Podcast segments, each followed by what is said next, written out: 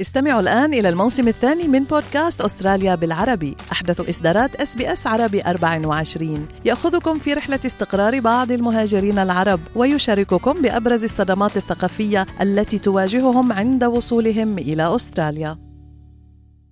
أنتم برفقة إس بي إس عربي 24 بعد مضي نحو أربعة أشهر على اندلاع المواجهات والقصف المدفعي والصاروخي المتبادل بين حزب الله والجيش الإسرائيلي على طول الشريط الحدودي جنوبي لبنان ووسط مخاوف من تطور الأزمة نحو الأسوأ بين الجانبين يبقى الشغور في منصب رئاسة الجمهورية اللبنانية الشغل الشاغل لكافة الأطراف السياسية لكن من دون أي نتيجة تذكر.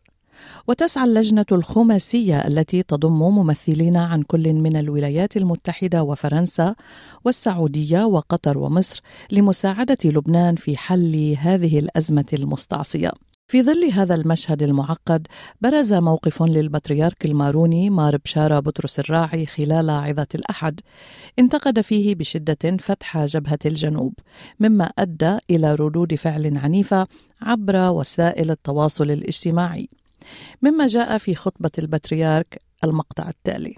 نرفض أن نكون وأفراد عائلاتنا رهائن ودروع بشرية وكبش محرقة لسياسات لبنانية فاشلة ولثقافة الموت التي لم تجر على بلادنا سوى الانتصارات الوهمية. والهزائم المخزية.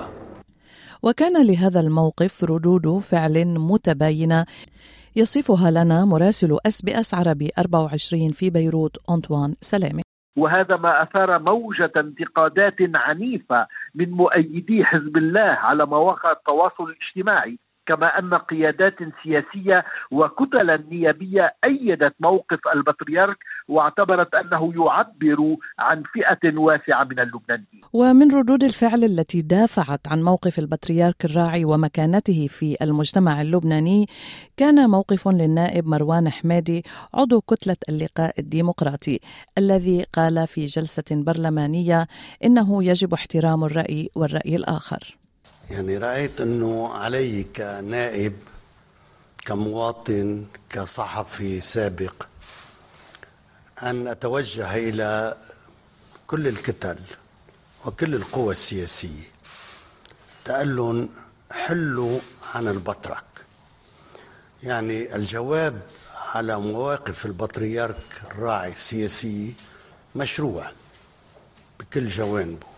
من يتحدث بالسياسة يجب أن يتوقع ردودا سياسية أما أن تنطلق جيوب وجيوش الذباب الإلكتروني ليتناول موقع ومرجع ديني محترم كركي ورئيسها فهذا مستهجن ونتمنى على الجميع خصوصا من يمون على هؤلاء في كل وسائل التواصل الاجتماعي أن يكفوا عن تناول الشخصيات السياسية ولكن الدينية أيضا وبالدرجة الأولى بهذه الطرق الدنيئة.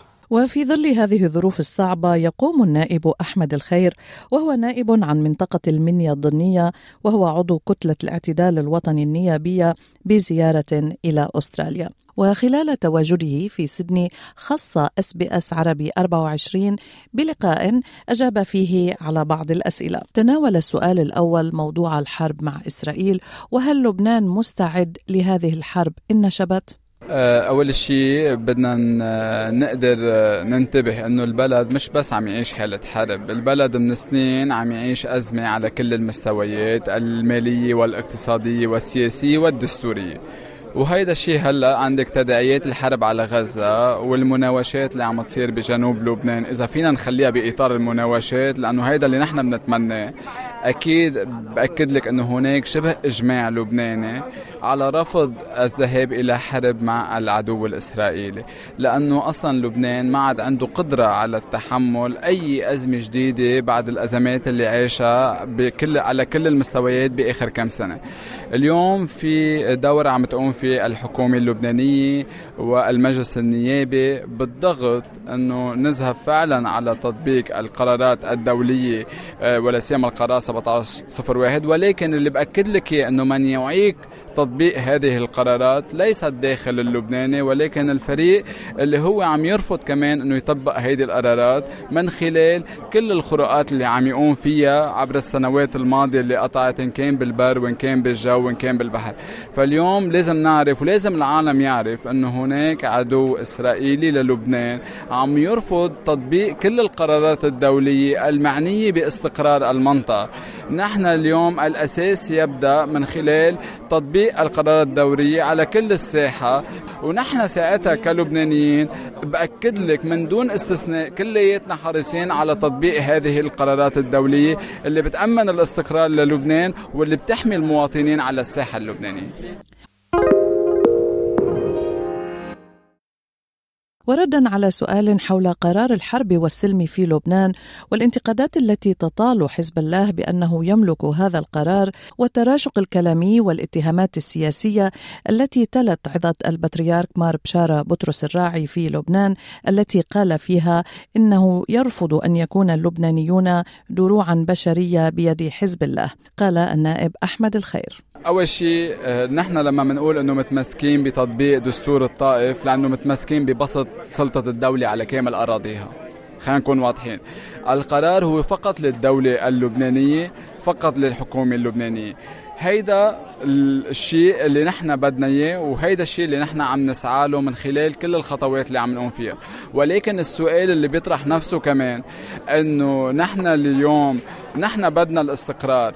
ولكن العالم بده يساعدنا لنأمن هيدا الاستقرار للبنان. نحن بدنا انه هيدي الدولة تكون باسطة نفوذها على كل أراضيها. ولكن هيدا العالم وكل هاي القوى بدها إيانا نوصل لمحل إنه يكون هذا الاستقرار على مستوى كل الساحة اللبنانية. إذا فعلا بدهم هيدا الشيء كان المفروض إنه هيدا العالم يحط حد لهذا العدو بكل الممارسات اللي عم يقوم فيها على كل المنطقة. هيدا العدو عم يضرب لبنان عم يضرب فلسطين عم يضرب سوريا من دون ما يميز بين بشر وبين حجر بين مقاوم وبين مواطن عادي. فنحن اليوم بدنا نعرف شغلة كتير مهمة.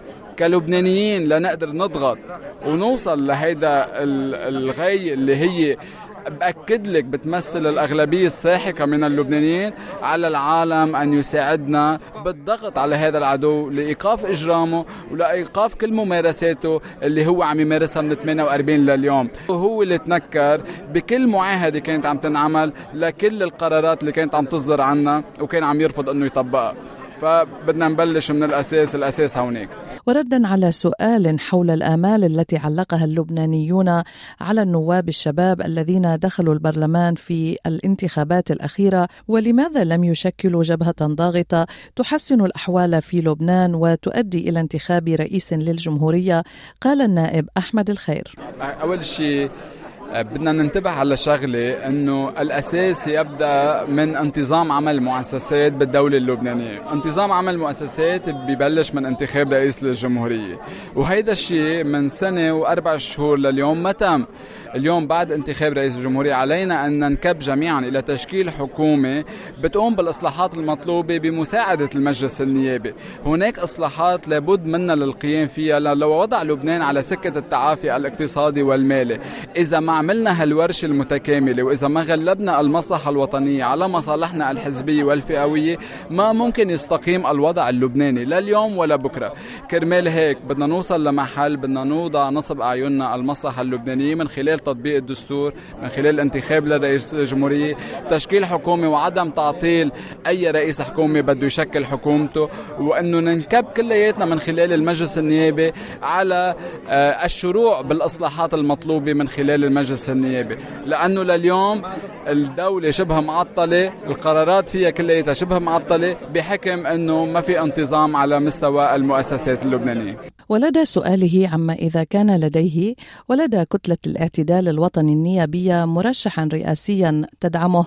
قال النائب أحمد الخير أنا برأيي الموضوع الرئاسي ما بيتعلق بالشخص. أي شخص بده يوصل. إذا كلنا بدنا نساعده رح ينجح. وأي شخص مهما كان قوي إذا في فريق لبناني بده يعطل له مساره كمان رح يفشل. فالموضوع بيتعلق فينا نحن كلبنانيين مش بشخص الرئيس. إذا نحن كلبنانيين كلياتنا ما كنا بكل الافرقاء بكل النواب المسؤولين إذا ما كنا إلى جانب هيدا الرئيس وداعمين مساره أكيد ما ما حيقدر هيدا الرئيس ينتج وينجح. بلبنان. نحن كاعتدال كنا بالبداية خارج كل اصطفاف كنا ضد الاصطفاف وكان دائما مرشحنا التوافق وبعده التوافق. هيدا مرشحنا. هذا وأعلن وزير الدفاع الإسرائيلي يؤاف جالانت الاثنين أن جيشه سيتحرك قريبا جدا في شمال إسرائيل عند الحدود مع لبنان حيث يتبادل القصف يوميا مع حزب الله. ومنذ بدء الحرب بين حماس وإسرائيل في قطاع غزة في شهر أكتوبر الماضي تشهد الحدود بين جنوب لبنان وشمال إسرائيل بشكل شبه يومي تبادلا للقصف بين القوات الإسرائيلية وعناصر حزب الله. الذي يؤكد أنه يتحرك دعما ومساندة لحركة حماس.